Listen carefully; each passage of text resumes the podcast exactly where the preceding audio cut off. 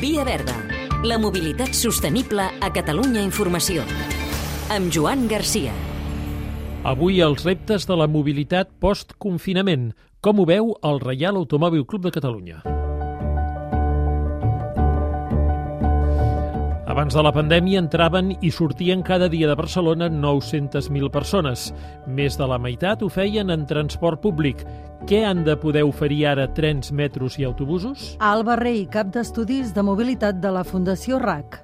A, a nivell metropolità el més important és que s'incrementin les freqüències de pas. Eh, això eh, permetirà eh, compensar d'alguna manera la pèrdua de capacitat eh, que, que es necessita per a, per a mantenir la seguretat del, i, i el distanciament físic.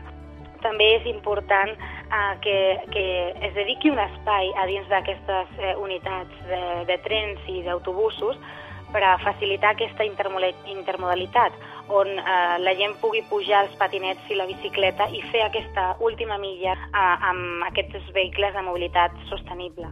I quin paper ha de tenir el vehicle privat? Creiem que és important eh, reservar l'ús del cotxe per als desplaçaments que siguin desplaçaments llargs i on no hi hagi molta alternativa de transport públic eh, i per tant la gent eh, no, tingui, no tingui una altra moda de, de moure's. Eh, en aquest sentit també eh, per millorar el, el tema de la qualitat eh, de l'aire, que és un tema que, que ens preocupa molt, eh, creiem que és important desenvolupar un pla que sigui molt ambiciós d'ajudes a l'electrificació dels vehicles.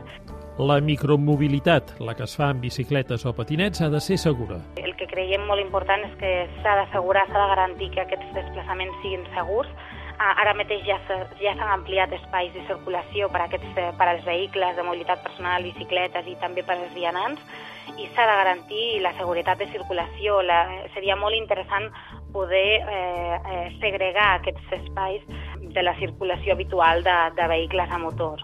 Descongestionar també amb mesures socials, repensar l'hora punta i tenir en compte el teletreball. Aquest pic s'hauria de reduir una mica, s'hauria de redistribuir.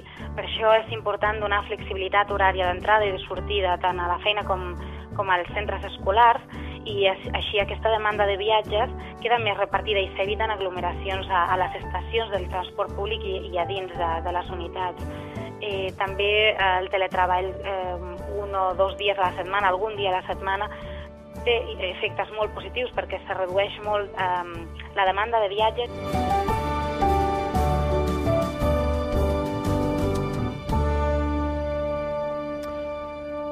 També fan mobilitat sostenible? Baleària. Canvia els motors del seu ferri Sicília perquè pugui navegar amb gas natural entre Barcelona i Eivissa.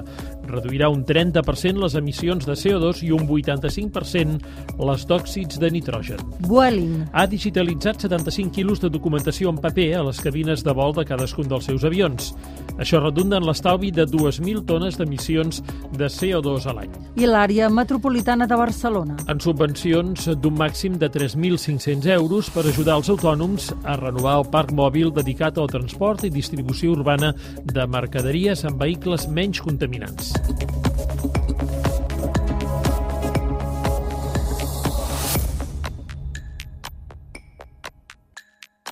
Hem de tendir a... Pensar compartir cotxe. S'estima que per a un ús del cotxe inferior a 20.000 quilòmetres anuals, el car sharing surt més a compte que el cotxe particular. Via Verda, disponible al podcast i a catradio.cat.